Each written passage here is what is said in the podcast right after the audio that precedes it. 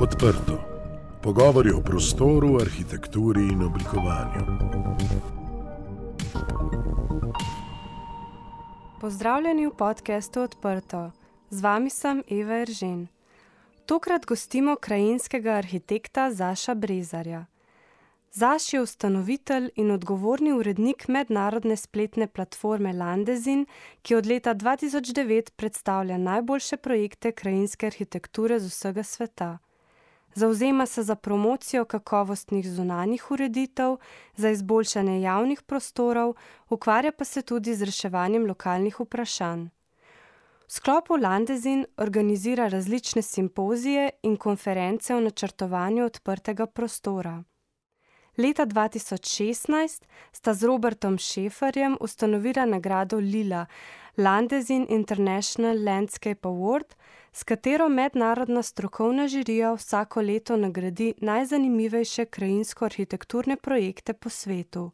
V pogovoru sva se med drugim dotaknila tematike odpornega mesta, odzivnega na podnebne spremembe, sodobnih rešitev v oblikovanju odprtega prostora in problematike oglaševanja v javnem prostoru. Za živijo, pozdravljen v podkastu Odprto. Zdravo, hvala za vabilo. Landezin je mednarodno priznana spletna platforma krajinske arhitekture predstavlja najsodobnejše projekte ureditev odprtega prostora po celem svetu.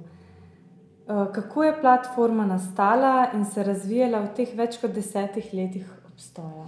Ja, res, eh, kot se omenilo, že nastalo je 2009, takrat sem bil jaz v bistvu še eh, študent, čeprav sem bil študent, v bistvu tudi potem malo dlje, kot je to običajno. Uh, ampak takrat vem, da je bila neka potreba, ko smo delali projekte na faksu, da si skozi v bistvu s kolegi eh, v ekipi, z eh, projektni ekipi, nekako se pogovarjali o projektih. In takrat smo si na USB ključkih, pa ne vem, kako vse smo si nosili pač te.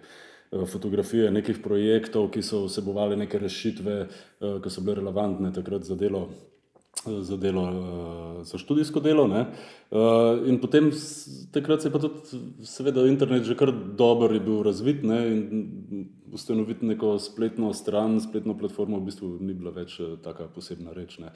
Tako da sem s tem namenom začel ta prvi zbirati nekako te projekte. Pa je bilo to nekaj časa zaklenjeno, potem smo pa v bistvu vstopili v stik z, z temi pač avtori projektov in oni so nam dali dovoljenje, da mi to vse lepo objavimo, so nam poslali še nove projekte in tako je v bistvu rastali in rastali. Potem, seveda, na faksu smo ogromno potovali skozi okol, ne, Španija, ne vem, sploh Katalonija, tam uh, Italija, Švica. In potem so šle vse te fotografije iz teh potovanj, ker smo si ogledali projekte. Recimo, je vse to šlo naravnost uh, na, na spletno stran, ker v bistvu takrat ni bilo več nobenega treba prositi za kakršne koli pravice, za kakršne koli dovoljenja, slike so bile, javni prostori so bili. Tako da v bistvu takrat s temi potovanji, ki jih je bilo takrat za ne vem, neke 3-4 leta, je bilo to ogromno enih projektov in so te še danes zgor, te pač te prvi projekti in cela Skandinavija, do Nordka, pa vse smo to dali skozi. Tako, da, tako nekako. No. Super. A pa v bistvu takrat, ko si ti začel s tem, ni bilo sploh nobene take res vidne mednarodne še platforme. Ne? Kaj recimo ja. Arkdeli in take zadeve so že kar dolgo tudi na svetu. Ja, Arkdeli, mislim, če se ne motim, so oni začeli 2008, ampak lahko da se motim, ampak uh -huh. takrat mhm. enkrat. No? Uh mhm. -huh. Takrat je to nekako vse začelo se dogajati. Recimo tam 2005-2006 so bile že nekatere velikih tudi ni preživel, mm. ker krajinska arhitektura, moramo vedeti, da je to vse velik, če zdaj govorimo tako bolj tržno, je to manjši trg od mm. arhitekture in to deljeno z deset, to je res eh, neprimerno, zato je take platforme v bistvu dosta težko živeti. Ne? Tudi mi zdaj v bistvu, kad delamo nekako pač normalno imamo to kot neko službo. uh, je včasih se kar treba na vse napore nekako uh, napeti, zato da pač uh, stvar funkcionira in da teče dalje. Uh, tako da veliko se jih je, po mojem, zaradi teh finančnih razlogov, jih je pač obupal nekaj uh -huh. na mhm. poti. Ne? So imeli druge službe, so bili uh, na faksu, mogoče kot predavatelji, so imeli svoje biroje. Uh, tako da jim nekako ni šlo. In tudi zdaj, veliko se jih je v zadnjih, recimo petih letih, so bile neke tri platforme, ki so se na veliko napovedovali, da bodo uh mhm. -huh. začele delati. Pa če danes pogledamo te spletne strani, so gor informacije izpred dveh let, recimo, se pravi, da tudi so nekako že ja, nekak zastalo. Ne. V arhitekturi pa seveda drugače, to pa tudi vi veste, ne, je pa vseeno večkrat več več pretoka vsega ne, in vsebin, ja. in tako da dela na nekih drugih obratih uh, arhitektura, kot pa krajinska arhitektura v tem smislu. No. Mhm. Ampak vsem si pa tudi um, leta 2016 no, uh, s tem Robertom Šeferjem sta prišla na idejo um, tudi mednarodne nagrade. Lila, ne Landesin International Landscape Award, Kako pa v bistvu ste se to spomnili? Ja, Robert je bil takrat urednik ene take svetovne revije za krajinsko arhitekturo, to je bil to Post Magazine in to smo takrat imeli vsi po birojih, to smo bili vsi naročeni na faksu, smo vsi to brali, ker je bil to v bistvu to ena taka revija, ker se ti dejansko lahko projekte in neke refleksije in neke komentarje, kritike si v bistvu lahko tam prebral. Ne. Tega na internetu takrat dejansko še ni bilo kaj dosti.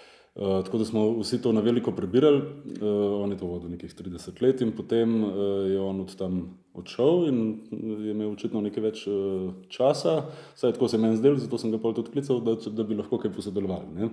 Jaz sem ga takrat hotel povabiti k nekemu projektu za uh, eno knjigo, in potem pač skozi te neke debate sem videl, da bo šlo na to, da v bistvu bi bilo pa to fajn narediti nagrado. Ne?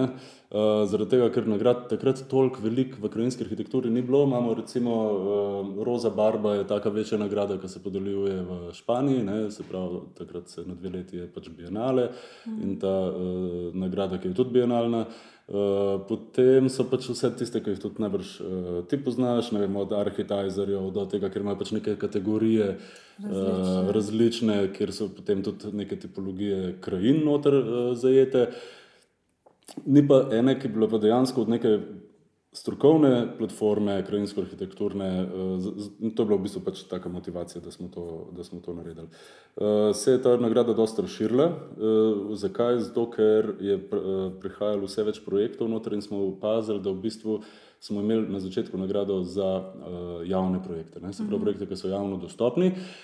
Potem smo pa morali, raven zaradi tega, ogromno enih kvalitetnih projektov nekako ignorirati, ker so bili ja. bodi si privatni, se pravi, da nekako ni to šlo in prej slej prideš do tega, da, da uh, moraš imeti v bistvu več kategorij. No. Tako da sicer smo probamo to skozi zamejevati, da se nam ne odpelje čist in da nimamo zdaj, tako kot marsikdo drug, po 150 kategorij, tega upam, da nikoli ne bomo dosegli ampak mislim, da smo zdaj na nekih 12 eh, ali koliko, 13 uh, kategorij. Uh, tako recimo, po kakšno dodamo še na leto, ampak mislim, da se bo to počasi končalo. No. Uh -huh, uh -huh. Mm. Pa tudi to je eno tako večjo, prepoz še večjo prepoznavnost, tudi celi platformi. Ja, seveda, ja. kar naenkrat uh, smo dob začeli dobivati pač prijave z celega sveta, ne se prijav uh -huh. tam nekje med 200 in 300 birojev, ki pošle ne vem, nekaj več projektov pač na leto. In tukaj gre res za od najvidnejših arhitekturnih birojev, svetovnih do krajinskih arhitekturnih, pač vsi pošiljajo te projekte. No. Uh, tako da jaz mislim, da tukaj smo res zdaj naredili en tak eno, da je bila tudi ta nagrada v bistvu za nas zelo pozitivna. Uh, se pa trudimo, v bistvu, ker pač nagrada ima par, par uh, teh nekih osnovnih, kako bi, bi rekel, stebrov, na katerih stoji. Ne. Eno je seveda žirija. Uh mhm. -huh. ne, žirija mora biti pač vedno taka, da je kredibilna, da so to pač imena, da so to strokovnjaki. To je prva stvar. Drugo je uh, to, pač, da se veliko ljudi prijavi, se pravi, moraš, ne, je potrebno to dobro spromovirati. Uh, in tretje je, da pač dobiš kvalitetne predloge. Ja. In da, da v bistvu so rezultati taki, ki potem neko radovednost vzbudijo tudi strani stroke, recimo, ne, da, da pač je nek feedback na koncu, da, da, da je nek vpliv, ne, da, da, da imaš neko misijo, ki jo delaš. Ne. Uh mhm. -huh. Je pa seveda vedno dobro, ne, zdaj ne bi bil pa čist tako blazno inženirski, ampak bi rekel, da, da, da smo pa vedno vsi veseli, ko pa najdemo en projekt, ki ima nek kako potem sploh rekel, nek svoj jezik, ki razumem nek svoj jezik, ki se zna, ki se zna mogoče tudi malo pohecati včasih, ki je malo nor na nek način. Ne? Ampak ne tak, znotraj te odgovornosti, ki pač je odgovoren projekt, recimo, da, da, da mora biti mečkan nor, ne, zraven. Tako da, da, pač je ta, da je arhitektura, krajinska arhitektura, da so te projekti še vedno neka. neka Neka spodbuda za razmislek. Pa, ja, to je tako. No? Jaz, ko pogrešam, ne, vedno beremo, odpremo časopis, pa so kritike gledališke predstave, filma, ja. nove plošče. Ne včasih, če gre za kakšne boljše projekte ali pa grozne projekte, tudi mogoče arhitekture, pa krajinske arhitekture, ampak da bi bilo to nekaj, kar, kar bi se, česar bi se ljudje tako veselili, pa bi imeli radi. Zaradi, zaradi tega moraš prostor narediti malo mal, mal ga razveseliti. No. Mm. Tako da, da se mi zdi, da je to ključna naloga, da v bistvu krepimo te vezi med ljudmi, med obiskovalci, pa med prostorom. No. Um, ne vem. Se mi zdi, da je fajn, da je to še vedno kulturna disciplina, ki se ukvarja z, neko, z nekim oblikovanjem, ker, ni, ker ne sme nikoli biti tako strogo inženirski, drugače lahko tudi kdorkoli to počne. Ne. Se pravi, je še vedno tukaj velika dodana vrednost in se mi zdi, da mi tudi na, pri nagradi in tudi na naši platformi vedno, vedno pazimo na to, da so te, vsaj te, ki so poudarjeni na kakršen koli način, zdaj ali dobijo nagrado ali jih na drug način izpostavimo, da v bistvu uh, so oni taki to take uh, žive duše, ki naredijo neke take prostore, ki imajo nek pomen. No. Uh mhm. -huh. Letos ste podelili nagrade poleti. Bi mogoče izpostavil kakšen zanimiv projekt ali pa kakšen mogoče studio, ki vem, deluje na nekih posebnih vrednotah? Ja. Ja, mislim, da glede na to, da gre tukaj za audio podcast, yeah. uh, ja. bo to, to mal, mal drugačen izbor, ne, predvsem so to stvari, ki se jih da mogoče malo bolj opisno povzeti. Uh, zdaj najbrž tudi poslušalcem Snuheta ni prav nepoznano. No. Uh, oni so v bistvu bili nagrajeni zaradi te multidisciplinarnosti, ne, uh, ker skozi Poudarijo to, da oni niso, seveda so tudi arhitekturni office, in krajinsko arhitekturni, in dizajnerski, in tudi z grafičnim oblikovanjem se ukvarjajo, ampak v bistvu zelo sintetizirajo vse te pristope k oblikovanju uh, in rezultat so neke zelo celostne rešitve. Um, tudi ne, vedno pravijo, da se ne ukvarjajo s stilom, ampak da se nekako prilagajajo, vedno, da se bolj odzivajo, ne, da pač imajo določeno določene pristope, ki so uh, unikatni samo za neko določeno situacijo, kar je seveda edino prav, ne? niso mm. obremenjeni s tem nekim stilskim vprašanjem, vprašanjem stila. Ne? Uh, potem en zelo zanimiv projekt, ki je bil tudi nagrajen letos kot neka posebna nagrada, ki je bil tako poseben, da sploh nismo vedeli točno, kam ga damo, je bil uh, projekt od Bilisiju, se pravi v Gruziji, uh, kjer je, skupina krajinskih arhitektov našla na nekem zapuščenem zemljišču od neke vojaške, prej je bila neka vojaška raba, tam nekaj arzenala ali kaj. So našli neko prebito cev in ta cev je bila za vodo in ta cev je puščala. in te vode je bilo tam toliko, da so oni v bistvu samo rabili nekako ukrotiti, jo speljati v določene neke bazene in so takoj na tem, na tem zemljišču uh, v bistvu vzpostavili nek ekosistem, nek uh, socialen prostor uh, in so iz tega v bistvu nekega malega fenomena, ki se je tam zgodil, so v bistvu naredili. Nekako naredili ne tako ogromne spremembe z minimalnimi sredstvi. Mislim, da bi jim je občina samo bager dala za par ur in da je bilo to. to uh -huh. uh, in so bili res v bistvu ena taka, taka um, fajn, fajn zgodba o tem, v bistvu, kako lahko res včasih z minimalnimi sredstvi dosežeš velike rezultate. Kot ena izmed uh, najbolj priznanih spletnih platform ima uh, Landezin pregled nad najaktualnejšimi projekti v ukrajinski arhitekturi. Mogoče tudi zaznavaš, uh, kakšni so trendi ali pa spremembe v oblikovanju odprtega prostora, če bi ne vem, primerjal deset let nazaj, pa mogoče sodobno prakso. Ja, raven to je, da mogoče deset let nazaj uh, je bilo v trendih mogoče malo bolj smiselno govoriti, danes mi pa ne zdi več smiselno govoriti o trendih. Jaz uh mhm. -huh. te besede prav ja, te, ne maram. Ja, ne maram zato, ker se mi zdi, da nekako se navezuje na iskanje nekega stila. Ja, to, ja. don, danes to ne bi smelo biti več vprašanje, oziroma se mi ne zdi, da je to za ta čas relevantno vprašanje. Uh, Uh, jaz se zelo, zelo poskušam izogibati besedi trend in tudi estetika. To, estetika je tudi v bistvu nekaj, kar se izrazi potem, ko je projekt že narejen. Uh mhm. -huh. Ni cilj, ampak je posledica. Ne? Se pravi, nekaj, kar se samo zgodi, uh, če se seveda vse stvari lepo sestavijo skupaj. Uh, zato bi jaz raje mogoče to vprašanje poskušal tako obrniti, da bi se vprašal o nekih rešitvah. Uh -huh. uh, ki so pa, glede na vse probleme, ki jih imamo, družbeno-okoljske, kar je v bistvu nekako postaje vse skozi bolj eno in isto, ne družbeno, enako okoljsko, bi raje govoril o rešitvah. Uh, zdaj, veliko se je spremenilo v zadnjih desetih letih, ne, zbrav, že če, če samo pogledamo okolje. Uh, in tukaj ponavadi krajinski arhitekti se sprašujemo o nekem celostnem načrtovanju, se sprašujemo o, o tem, kaj se dogaja z vodo, kaj se dogaja z biodiverziteto, kaj se dogaja z uh, temperaturo, recimo z mikroklimo, ne, sploh v mestih. Recimo, Uh, potem se z istim razmislekom lotevamo ureditve prometa, ne, da je ta pač bolj trajnosten. Ne.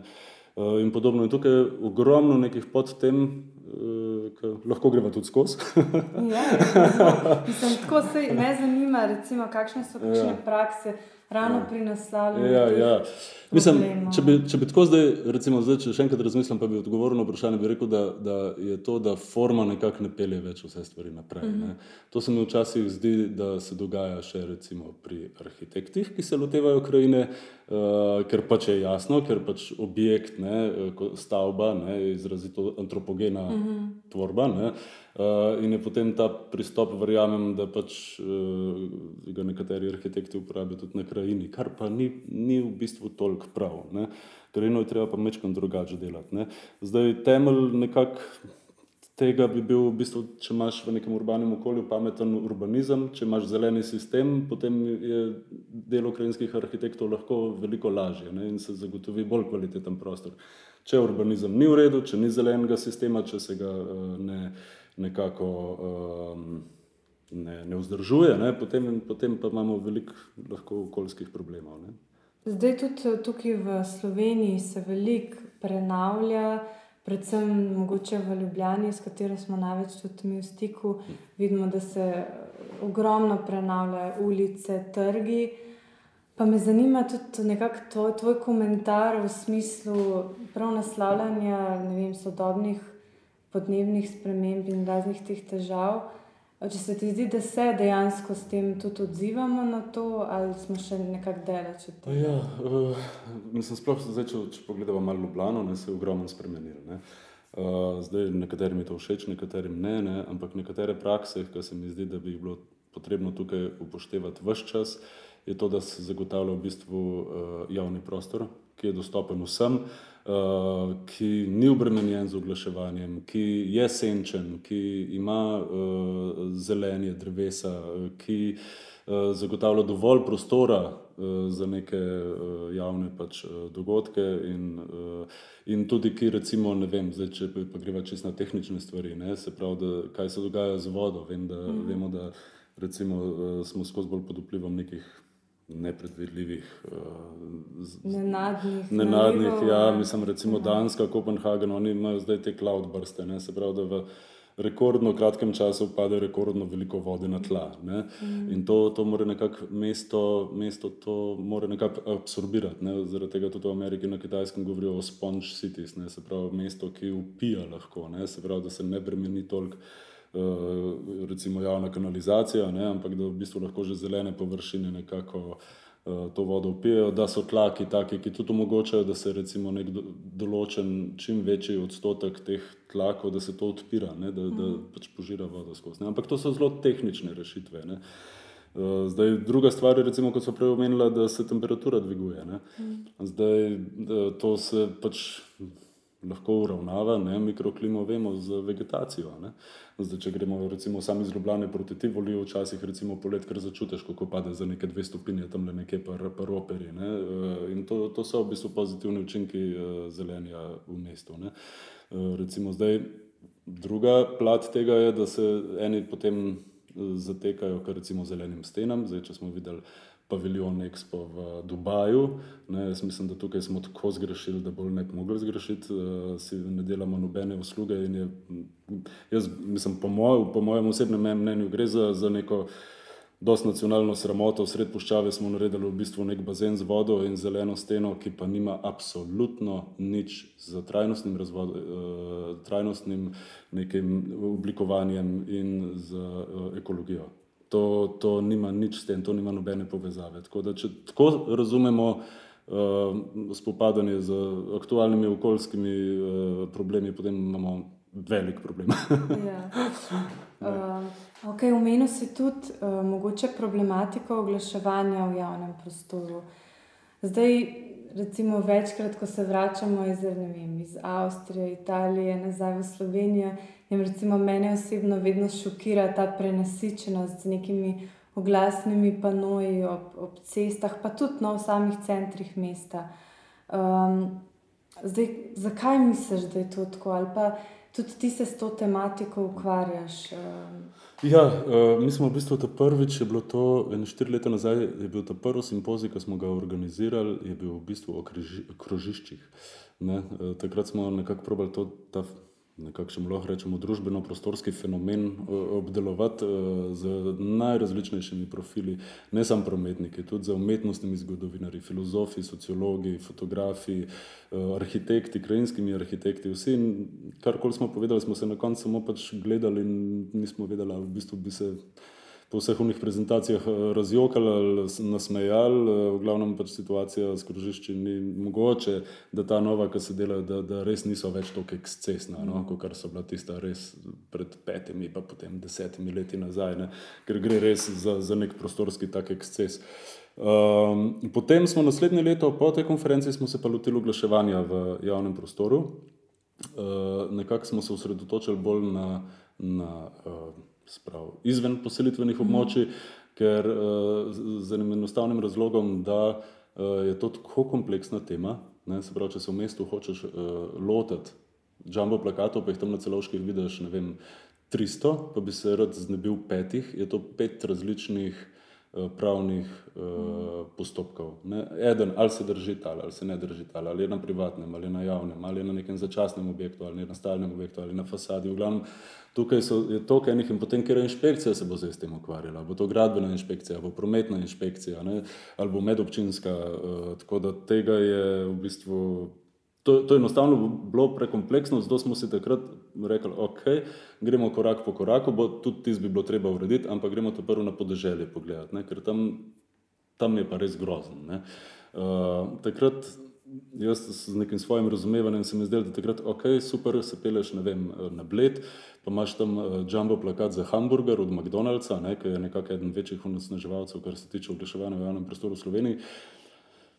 Pa tako se ti zdi, da mogoče ok, tam je neka lepa krajina, pogled na, na karavanke, na Alpe, karkoli, uh, polja. Ne, uh, in zdaj so se oni to pobrendali. Ne, ampak se mi zdi, da je pa obratno, v bistvu, kar je sledili iz teh naših uh, nekih raziskovanj, tega se meni zdaj nekako zdi, da je v bistvu ta kulturna krajina, v katero so umeščeni ti jumbo plakati, toliko izgubila na vrednosti, da je dejansko. Oni vidijo to kot neko blato, kamor ga tako ali tako ne bo škoda une nive, ker noben več ne zasluša od nje. Ne. Eh, dajmo pa mislim letale jumbo, se ni nič drugega na okolje, se bo fajn videl. Ne. In tukaj se mi zdi, da, zelo, da je to en tak zelo žalosten simptom, da recimo tudi kmetovalci, ki se odrekajo delo svojih kmetijskih zemljišč in jih dajo najem tem. Uh, se pravi, oglaševalcem, ki plakate tja postavijo, da v bistvu ne vidijo vrednosti v svojem, v svojem početju, v svoji, ja, ja. Ne, da, da v bistvu je to tako razvrednoteno, da je tisto tisti jumbo za dva jogija tam v bistvu več, več vreden. Tako da, ampak uh, moram reči, da zdaj, v bistvu, ko se pripravlja ta Zurek 3, ja. ne, da tukaj že imamo, zdaj v bistvu, ne vem, Toliko nas je bilo, ko smo se s tem ukvarjali, vsi novinari po časopisih, po raznih medijih, mi, ko smo to delali, stroko, potem strokovna združenja. Ne. Vsi smo poskušali nekako to in zdaj se le dogajajo neki premiki, tako da jaz upam, da bo to zaleglo. Ne vem še točno, kako bo to v praksi izgledalo. V Zure po 3 zdaj piše, da eh, izven poselitvenih območij, na kmetijskih, gozdnih, vodnih in drugih zemljiščih eh, postavljanje kakršnih koli trajnih in začasnih panojev, razen za tiste gasilske veselice, okay, ne, eh, da to ni dovoljeno. Uh -huh. uh, zdaj, kako, na kakšen način bojo odmaknili to, kar je zdaj tam, eh, jaz točno zdaj še ne vem. Ampak ta zureb, jaz mislim, da je zdaj nekako v medresorskem usklajevanju že bil. In da ne vem, točen, eh, kdaj, bomo kdaj videli, bomo videli. Ja. Potem je naprej, v bistvu še tudi v kmetijskem uh, zakonu, je uh mhm. -huh. zdaj enako bo pisalo, ne, da se na kmetijskem zemljišču ne sme oglaševati, kar je itak edino prav. Ja, uh, in končno, kar smo pa počeli, ne, v sta cajt. Ne, uh, je bilo hecno, ker takrat, ko smo mi to delali, ne, smo bili vabljeni v, v vdaje, na radio, na vem, studio City povsod. Pa se mi je zdelo, da tam smo bili vedno po trije strokovnjaki, pa pravniki, pa ne vem kaj vse. Ampak na koncu v bistvu ne rabiš strokovnjakov, da ti nekdo pove, da imaš stanovanje razmetano. Pač ja. Ne moreš pospraviti, pa konc, mislim, tukaj sploh ni kaj. No. Mislim, to, upam, da se bo to kmalo končalo in da bomo malo bolj zadihali brez jumbo plakatov sred uh, njiv. Ko pa to naredimo, potem gremo pa še v urbano okolje, pa se še tam zmenimo, na kakšen način v bistvu zmanjšati obseg uh, glasnih panojev še v urbanem okolju. No. Kot se že omenil, poleg uh, te platforme organiziraš veliko tudi raznih simpozijev in konferenc. Um, in ravno med COVID-om ste imeli tudi plan, da bi Ja. naredili drugo konferenco na temo družinskega vrta. Ja, to je bil v bistvu zasebni vrt, nekako, ne. Hoteli smo se v bistvu vprašati, zdaj, zdaj tako je. Ne, če pogledaš, recimo, Tloris Ljubljane, mislim, Tloris, če pogledaš pač, ne vem, satelitski, satelitski posnetek Ljubljane, hitro ugotoviš, da v bistvu so med, se pravi, urbanim jedrom in neko kulturno krajino, se pravi, um, kmetijskimi zemljišči v okolici, ne, da je tam pač neka cona, zdaj bodi si stanovanjskih uh, naselij, bodi si zasebnih vrtov. Ne. In tukaj gre kar naenkrat za eno blazno veliko kvadraturo. Uh, in gle, tukaj nekako pridemo do biodiverzitete. Ne. Se pravi, v bistvu imamo urbano okolje, ki je dokaj opustošeno, kar se tiče ne vem, neke vrednosti za, da jim reč, čebele. Ne. Uh, in imamo v bistvu uh, polja, nive, ki so v bistvu ekološko, ekološke puščave, kjer v bistvu ni nič razen pač tistih parih. Uh, nekih hroščev, ki pač tam so, in zato smo rekli, da okay, je super, uh, da imamo mi pogledati, kako bi lahko vrt pripomogel k temu, da se uh, da nekako urbano okolje samo s temi zasebnimi vrtovi dobi neko večjo ekološko vrednost. Ne. In smo v bistvu šli malo gledati te študije, ki so bile uh, narejene, recimo na nizozemskem, tudi veliko arhitektov poznana, Gršpita Audolfa, ne, on je tak eh, znan uh, vrtnar, ki dela blazno bujne vrtove in tam je notrje vse, on da tam na tistih par kvadratov je to je ne broj vseh možnih vrst, ki le, lepo cvetijo, lepo dišijo. In, v glavnem, in uh, kaj so ugotovili uh, na eni univerzi nemški, da uh, v bistvu te vrtove dejansko delujejo. Ne? Da uh, v biodiverzitetnem smislu oni zelo veliko pripomorejo uh, k temu, da se pač čebele lahko tam pasejo. Uh, kar, je velik problem recimo na širših območjih mest, ne? raven zaradi teh kmetijskih zemljišč, ki ponavadi obdajajo mesta, vsaj pri nas. Uh, tako da v bistvu to je bil en vidik. Ne. Drug vidik je bil v bistvu spet to, kar smo prej govorili, voda. Ne. Recimo, kako jaz lahko naredim tak vrt, da ne bo obremenjeval recimo, uh, ne, se pravi neke javne kanalizacije, da bo lahko upijal vodo uh, in s tem v bistvu nekako prispeval k blaženju teh, uh, teh nekih neugodnih uh, posledic. Uh, potem je bilo v bistvu, kako si lahko sadje pridelaš doma, kako si lahko karkoli to, kar poznamo itak že desetletja, pri nas pa ni nič novega. Ne? In v bistvu vse neki taki ukrepi, v bistvu, kako ti lahko s svojim vrtom nekako si družbeno odgovoren. Ne? To, to, to je bilo nekako. Žal, da je bil ta COVID, upam, da ga bomo zdaj ta simpozij vendarle uh, lahko enkrat uh, ne, uh, organizirali. To smo takrat z Majo Simoneti uh, sveto zastavljali, mislim, da je bila tudi že prva v Ja, podkastu. Ja, ja, ja. je bila, ja. Tako, ja. Tako da upam, eh, da, da eh, namerata to enkrat v bistvu kasneje narediti. No, um, tako Potem nekaj. je res super, pa aktualno. Ja, pa vsak lahko nekaj potem naredi v tej smeri. Ne? Ja, sploh med, med COVID-om je v bistvu vsak postal.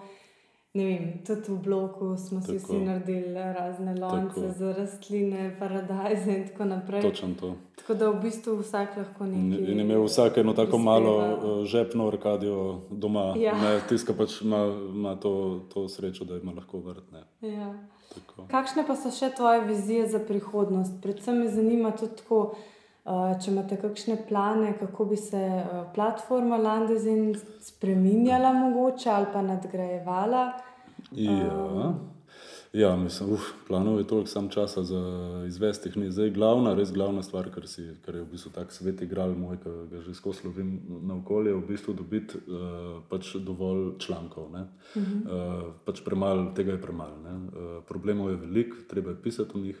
Treba je kritizirati, eh, treba je hvaliti, treba je povedati, kaj, kaj ima prihodnost, kaj nima prihodnosti. Uh, in tukaj pač jaz vidim, da, da ima naša platforma v bistvu to neka osnovna, osnovna misija. Uh, in zato rabiš v bistvu pisati, pisati, pisati, pisati skozi. In zato rabiš vabiti uh, neke pisce, neke strokovnjake, za katere pa valjda potrebuješ denar. Zaš, hvala za obisk in še veliko uspehov pri nadaljem delu ti želimo. Hvala in srečno tudi vam. Poslušali ste podcast Odprto, prvi slovenski podcast o arhitekturi, ki ga je pripravila ekipa OHS. Za akustično ugodje je skrbel studio Sonolab. Odprte hiše Slovenije se zauzemajo za dobro arhitekturo, ki je namenjena vsem ljudem. Prisluhnite nam vsakič, ko boste o prostoru želeli izvedeti več. Da smo lahko odprto spregovorili o prostoru, nam je svojo podporo omogočilo Ministrstvo za okolje in prostor.